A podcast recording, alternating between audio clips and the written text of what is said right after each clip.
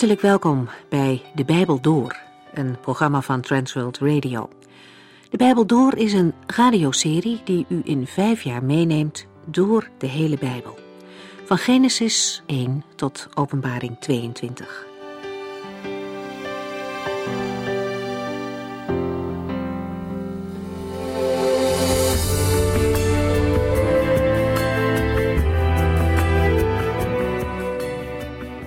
Vandaag gaan we in de Bijbel door verder met de geschiedenissen van de rechters in Israël.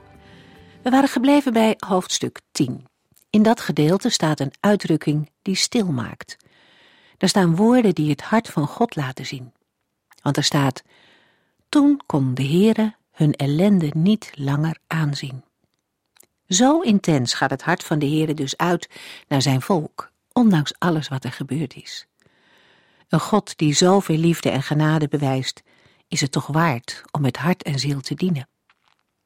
Maar in dit Bijbelboek zien we ook dat de mensen het steeds weer van hun kant laten afweten. En het gaat hier dan weliswaar om het volk Israël, maar voor ons vandaag is er in dit boek net zo goed herkenning. De vorige keer zijn we begonnen met de geschiedenis van Jefta.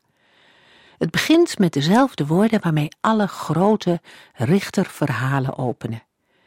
De Israëlieten keerden zich opnieuw van de Heere af. Zij deden wat kwaad is in de ogen van de Heere. In een zevenvoudige omschrijving wordt duidelijk wat dit kwaad inhoudt.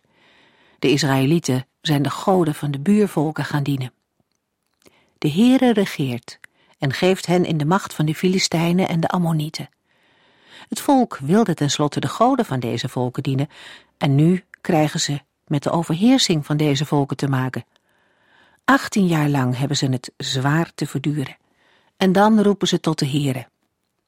Maar, zegt de Heere, ik heb jullie vroeger uit hun macht verlost, en vervolgens gaan jullie hun goden dienen. Zoek daar dan ook maar hulp bij.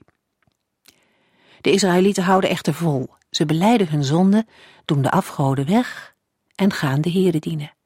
En dan kan de Heere hun ellende niet langer aanzien. Hij komt hen te hulp. Om deze reden had de Heere zijn volk in deze situatie gebracht. Hij wilde hen niet kwijt, maar hij liet deze moeilijkheden toe om hen weer terug te krijgen. We gaan nu verder in hoofdstuk 11, waar Jefta als aanvoerder de strijd aangaat.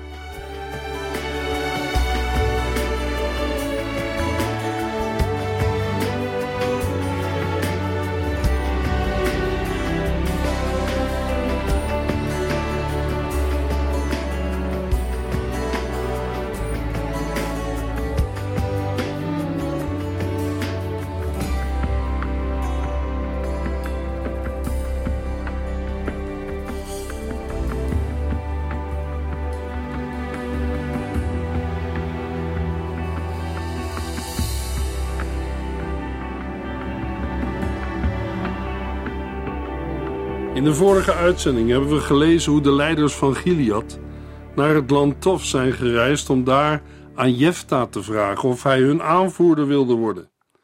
Rechters 11, vers 11. Daarop ging Jefta met de leiders van Gilead mee en werd aanvoerder van Israëls leger. De overeenkomst werd bekrachtigd voor de heren in een algemene volksvergadering in Mispa. Jefta is nu de aanvoerder van het leger van Israël. Als eerste stuurt hij boodschappers naar de koning van de Ammonieten. Uit verschillende archeologische vondsten, onder meer de Amarna-brieven, blijkt dat er in het oude nabije oosten veel diplomatiek verkeer was. Boodschappers op een diplomatieke missie droegen gewoonlijk documenten bij zich die hen diplomatieke onschendbaarheid verleenden. De koning, aan wie de boodschap werd overgebracht, werd geacht deze boodschappers met respect te behandelen. Rechters 11, vers 12.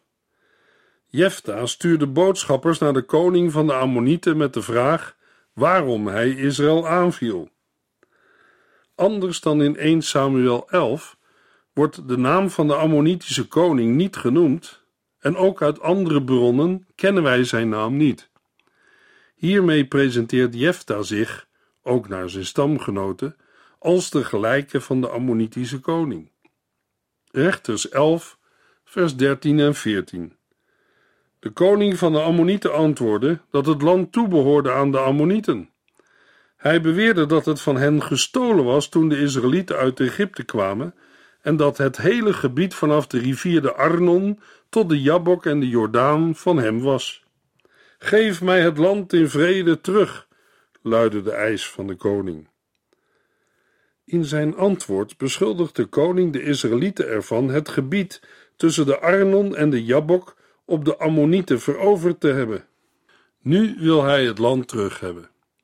De enige manier waarop Jefta een gewapend treffen kan voorkomen, is hem het gebied vrijwillig te geven. Rechters 11, vers 14 en 15. Jefta stuurde de boodschappers terug met het antwoord: Israël heeft nog het land van de Moabieten, nog dat van de Ammonieten gestolen. In de versen 16 tot en met 22 wordt uitgelegd hoe de gebeurtenissen zich hebben afgespeeld nadat de Israëlieten uit Egypte waren gekomen en de Rietzee waren doorgetrokken. De boodschappers geven de uitleg van Jefta door aan de koning van de Ammonieten.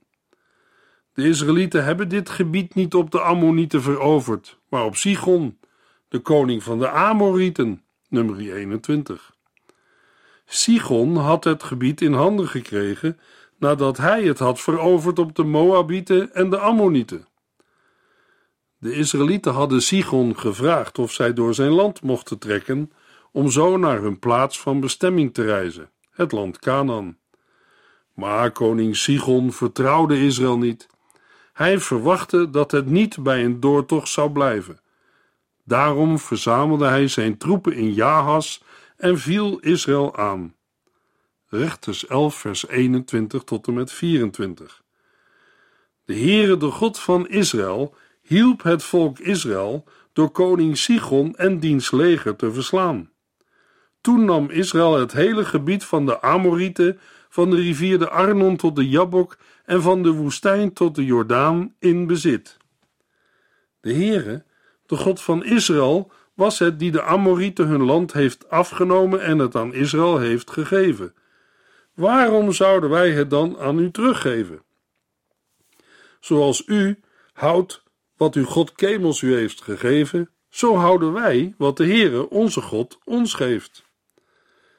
Door deze gebeurtenissen te noemen, maakt Jefta duidelijk dat het aanvankelijk helemaal niet de bedoeling van de Israëlieten was zich in het Oost-Jordaanland te vestigen, maar dat dit het gevolg was van de vijandelijkheden die door de Amorieten zijn uitgelokt. Tegelijkertijd blijkt uit zijn betoog dat de Israëlieten het betwiste gebied niet op de Ammonieten hebben veroverd, maar op de Amorieten. Jefta maakt de Ammonieten duidelijk dat het land op een wettige manier aan Israël toebehoorde. Daar waren de Ammonieten het niet mee eens. Zij wilden de Israëlieten het land uitdrijven en ze zelfs vernietigen. In het licht van de huidige ontwikkelingen in en rondom Israël is het goed de geschiedenis uit Richteren 11 nog eens goed na te lezen en te overdenken. Jefta heeft de Ammonieten duidelijk gemaakt dat de Heere Israël het gebied had gegeven. De Heere, de God van Israël, was het die de Amorieten hun land heeft afgenomen en het aan Israël heeft gegeven. Rechters 11, vers 25 tot en met 27. Trouwens, wie denkt u eigenlijk dat u bent? Bent u beter dan koning Balak, de zoon van Sippor van Moab? Heeft hij soms geprobeerd zijn land te heroveren nadat Israël hem had verslagen? Maar nu na 300 jaar maakt u er een probleem van. Al die tijd heeft Israël hier gewoond, verspreid over het gebied tussen Gesbon en Aroer en langs de rivier de Arnon. Waarom hebt u niet eerder geprobeerd dit gebied terug te krijgen? Nee, ik heb u niets misdaan.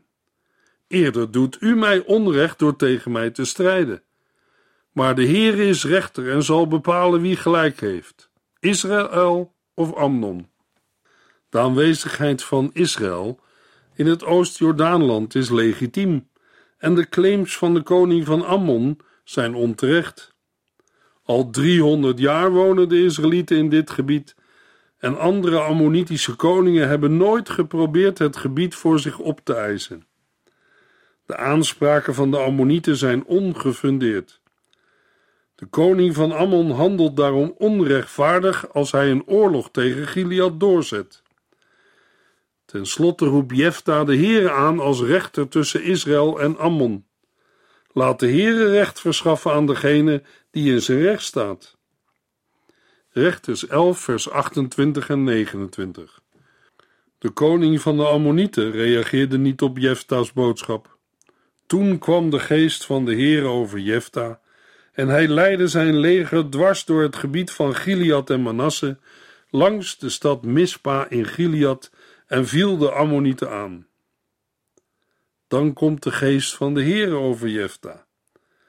De richter trekt door Gilead en het gebied van Manasse ten westen van de Jordaan om troepen te recruteren. Niet vermeld, maar wel verondersteld, is dat de Israëlieten massaal gehoor geven aan zijn oproep. Via het hoofdkwartier in Mispa trekt Jefta met zijn leger naar het kamp van de Ammonieten. Rechters 11, vers 30 en 31. Intussen had Jefta de Heere beloofd: Als u mij helpt de Ammonieten te verslaan en ik veilig terugkom, zal ik het eerste dat mij uit mijn huis tegemoet komt aan u offeren. Jefta belooft de Heere dat als hij de Ammonieten in zijn macht geeft, hij de eerste persoon die hem bij zijn terugkeer vanuit zijn huis tegemoet komt, aan de Heere zal offeren.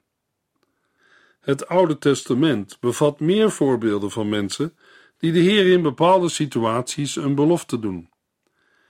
In die situaties houdt het beloofde echter direct verband met de komende gebeurtenis. In dat licht had het meer voor de hand gelegen dat Jefta de veroverde steden met hun oorlogsbuit aan de heren zou wijden door deze met de band te slaan. Bovendien valt het op dat Jefta in zijn verwoording veel nadruk legt op zijn eigen persoon. Het lijkt erop dat hij de strijd tegen de Ammonieten ziet als een persoonlijke aangelegenheid. Eigen roem en eer staat op het spel. Hier gaat Jefta in de fout. De Heere vraagt niet van hem om een mens aan de Heere te offeren. Denk aan de geschiedenis van Abraham en Isaac, Genesis 22. Rechters 11, vers 32 en 33. Daarop viel Jefta de Ammonieten aan en de Heere gaf hem de overwinning. Hij versloeg de Ammonieten. Hij bracht hun een zware nederlaag toe en de Ammonieten werden aan het volk Israël onderworpen. Wat zal er nu gebeuren als hij thuiskomt? Jefta heeft een belofte gedaan, een ondoordachte belofte met dramatische gevolgen. Rechters 11, vers 34 en 35. Toen Jefta naar huis terugging, kwam zijn dochter, zijn enig kind, hem dansend van vreugde tegemoet, een tamboerijn in de handen. Zodra hij haar zag, scheurde hij in wanhoop zijn kleren. Ach, mijn lieve dochter, riep hij uit, wat doe je mij verdriet? O, wat vreselijk! Ik heb de Heere namelijk iets beloofd en ik kan niet meer terug. Wanneer Jefta terugkeert naar zijn huis in Mispa, komt zijn dochter hem tegemoet met tamboerijn en rijdans. Om de overwinning te vieren, zoals dat bij de Israëlieten vermoedelijk gebruikelijk was. Nadrukkelijk wordt gezegd dat zij Jefta's enig kind is, waardoor de tragiek van het gebeuren nog sterker naar voren komt. Als Jefta zijn dochter ziet, scheurt hij zijn kleren ten teken van rouw. Kennelijk realiseert hij zich nu pas wat hij heeft beloofd. Toch blijft hij vooral op zichzelf gericht. In wanhoop verwijt hij zijn dochter dat zij hem in het ongeluk stort, in plaats dat hij zichzelf verwijt overhaast een belofte te hebben gedaan. Spreuken 20, vers 25. Ik heb de Heere namelijk iets beloofd en ik kan niet meer terug. Jefta realiseert zich dat hij zijn belofte niet kan herroepen. Nummer 30 en Deuteronomium 23. Deze overtuiging was vrij algemeen in het oude nabije Oosten. Maar Jefta had gebruik kunnen maken van de mogelijkheid de belofte af te kopen. In dit geval voor een bedrag van 10 sikkels. Leviticus 27, vers 5. Het lijkt er dan ook op dat, hoewel Jefta de geschiedenis van Israël kende, zijn kennis van de wetten van de Heere niet zo groot was. Blijkbaar wist hij niet van de mogelijkheid uit Leviticus 27. Ook de leiders van Gilead hebben hem er kennelijk niet op gewezen. Kende ook zij de mogelijkheid van Leviticus 27 niet? Hoe het ook zij, de situatie is illustratief voor het steeds verder afglijden van de Israëlieten van de weg en de wetten van de Here. De belofte waarmee Jefta de gebeurtenissen naar zijn hand wilde zetten, blijkt nu zijn ondergang te worden. Jefta's dochter legt zich neer bij de situatie en accepteert het lot dat haar op grond van de belofte van haar vader wacht. Vers 36. Toch gedraagt ze zich niet als een willoos slachtoffer, maar, net als haar vader, gaat ze in onderhandeling. Zij wil twee maanden met haar vriendinnen de bergen ingaan om te treuren over het feit dat ze als maagd zal sterven. Vers 37. Het huwelijk en vooral het krijgen van kinderen werd in het oude nabije Oosten gezien als belangrijkste levensvervulling voor een vrouw. Het is een bitter lot voor Jefta's dochter dat zij hiervan verstoken zal blijven. Jefta staat zijn dochter toe te doen wat ze heeft gevraagd. Wanneer zij na twee maanden terugkeert uit de bergen, komt Jefta zijn belofte na, vers 39. Daarmee is definitief uitgesloten dat het leiderschap van Jefta een vervolg krijgt in de volgende generatie, want zijn dochter, zijn enig kind, was nog maagd. Rechters 11 sluit af met de opmerking dat naar aanleiding van deze geschiedenis een gebruik onder de Israëlieten ontstond dat jonge meisjes jaarlijks vier dagen lang treurden om de dochter van Jefta. Vers 40. Bij deze dramatische afloop voor Jefta blijft de vraag prikkelen: heeft Jefta zijn dochter echt als brandoffer geofferd? Tot ver in de middeleeuwen was de gangbare gedachte onder uitleggers van de Bijbel dat Jefta echt zijn dochter als offer heeft geofferd. Ook in onze tijd zijn veel uitleggers dezelfde mening toegedaan. Welke onderbouwing is er voor deze mening? Als eerste de Hebreeuwse grondtekst. In vers 31 staat: Ik zal het eerste dat uit mijn huis mij tegemoet komt, offeren tot een brandoffer. Het Hebreeuwse woord voor brandoffer heeft in het Oude Testament vrijwel uitsluitend betrekking op een werkelijk offer.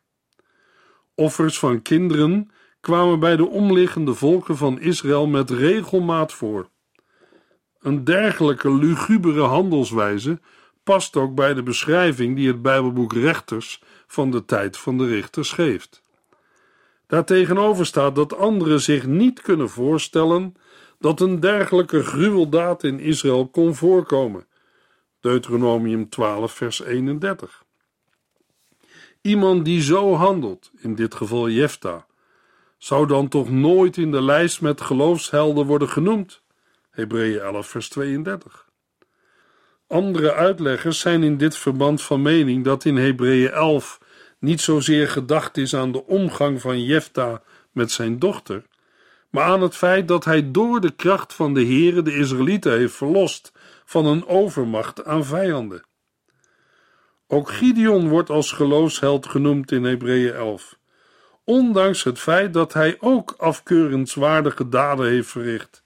Rechters 5, vers 35. Een andere uitleg die in de loop van de middeleeuwen ontstond en tot op de dag van vandaag aanhangers heeft, vat het offer op als metafoor. Jefta's dochter zou dan de rest van haar leven in maagdelijke toestand in afzondering hebben doorgebracht, in volstrekte toewijding aan de Heere. Hiervoor wordt verwezen naar de nadruk op de maagdelijkheid van de dochter van Jefta in de versen 37 tot en met 39. Volgens andere uitleggers draagt deze nadruk alleen bij aan de dramatiek van het gebeuren en past het bij de aandacht die het boek heeft voor het nakomelingschap van een richter. Deze uitleggers zijn bovendien van mening dat de uitleg om het offeren op te vatten als metafoor vooral is ingegeven vanuit het verlangen om het schokkende gedrag van Jefta af te zwakken en te verzachten. Maar dat wordt door de Hebreeuwse tekst onvoldoende gesteund. Hoe het ook zij, in lijn met de manier waarop het handelen van Gideon wordt beschreven, rechters 8 vers 13 tot en met 17, onthoudt de schrijver van het Bijbelboek Rechters zich van een beoordeling. Maar de terughoudende verwoording van vers 39 en hij voltrok aan haar zijn gelofte die hij beloofde, verraadt een negatieve kijk op de handelwijze van Jefta. Dit negatieve oordeel wordt nog sterker in het licht van het slot van het boek, waar een respectloze omgang met vrouwen als toppunt van morele verwording wordt beschreven. Rechters 19 vers 30. De handelwijze van Jefta is dan ook illustratief voor de neergaande lijn die het tweede hoofddeel van het boek Rechters kenmerkt en laat zien hoe diep het heidendom onder de Israëlieten is doorgedrongen. Als Jefta de leider is waarvan Israël het moet verwachten, is het met het volk droevig gesteld. In het licht van de afschuwelijke daad van Jefta wil ik aan het slot van deze uitzending nog een aantal dingen doorgeven over het doen van een gelofte.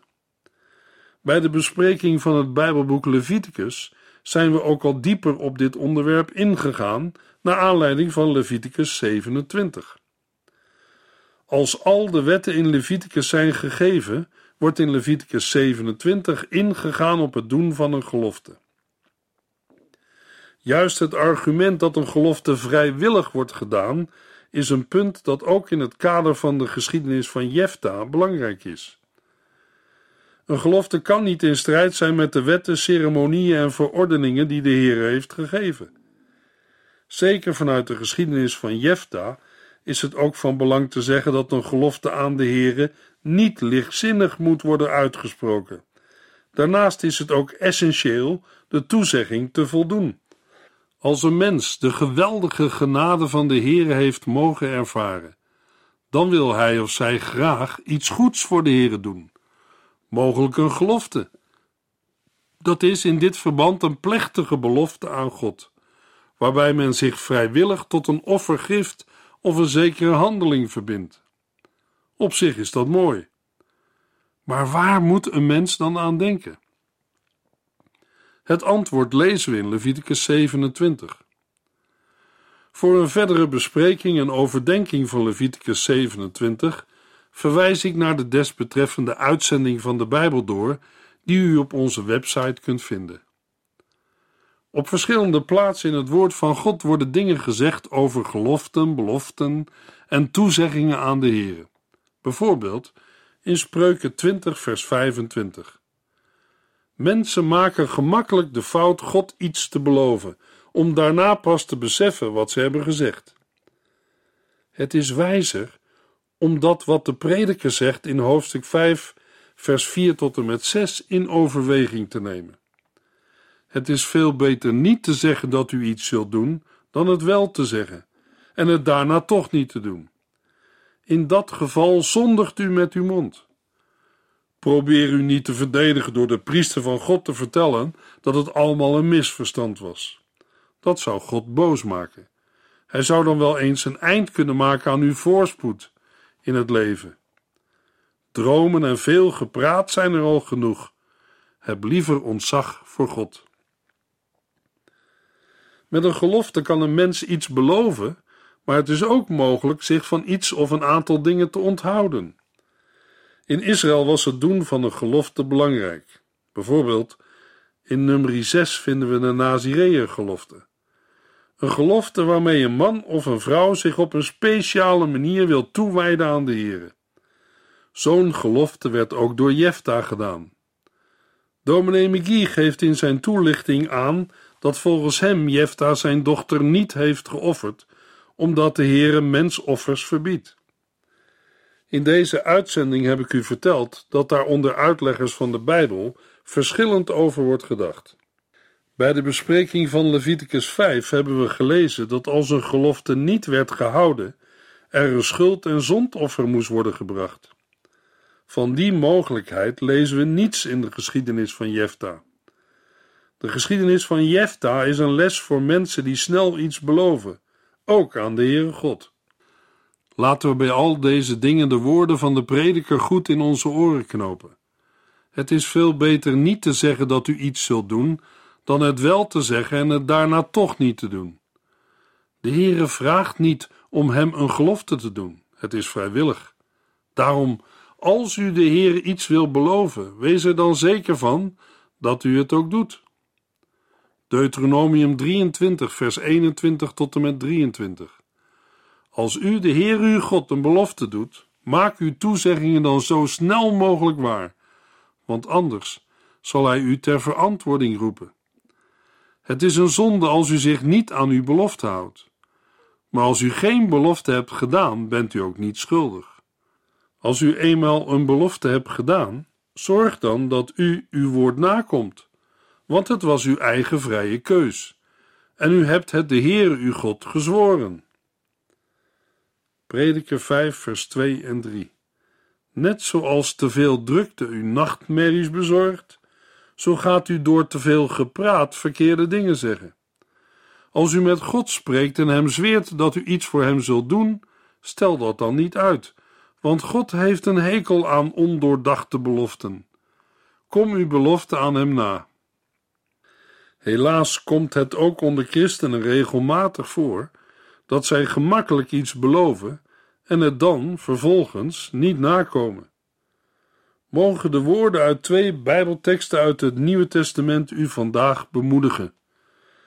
De eerste is 2 Timotheus 2, vers 13. Zelfs als wij hem ontrouw zijn, blijft hij ons trouw, want hij kan zich niet tegen zichzelf keren. De tweede vindt u in 2 Thessalonicense 3, vers 3. Wij weten dat de Heere wel te vertrouwen is. Hij zal u sterk maken en u tegen de aanvallen van de duivel beschermen. In de volgende uitzending lezen we rechters 12 en 13.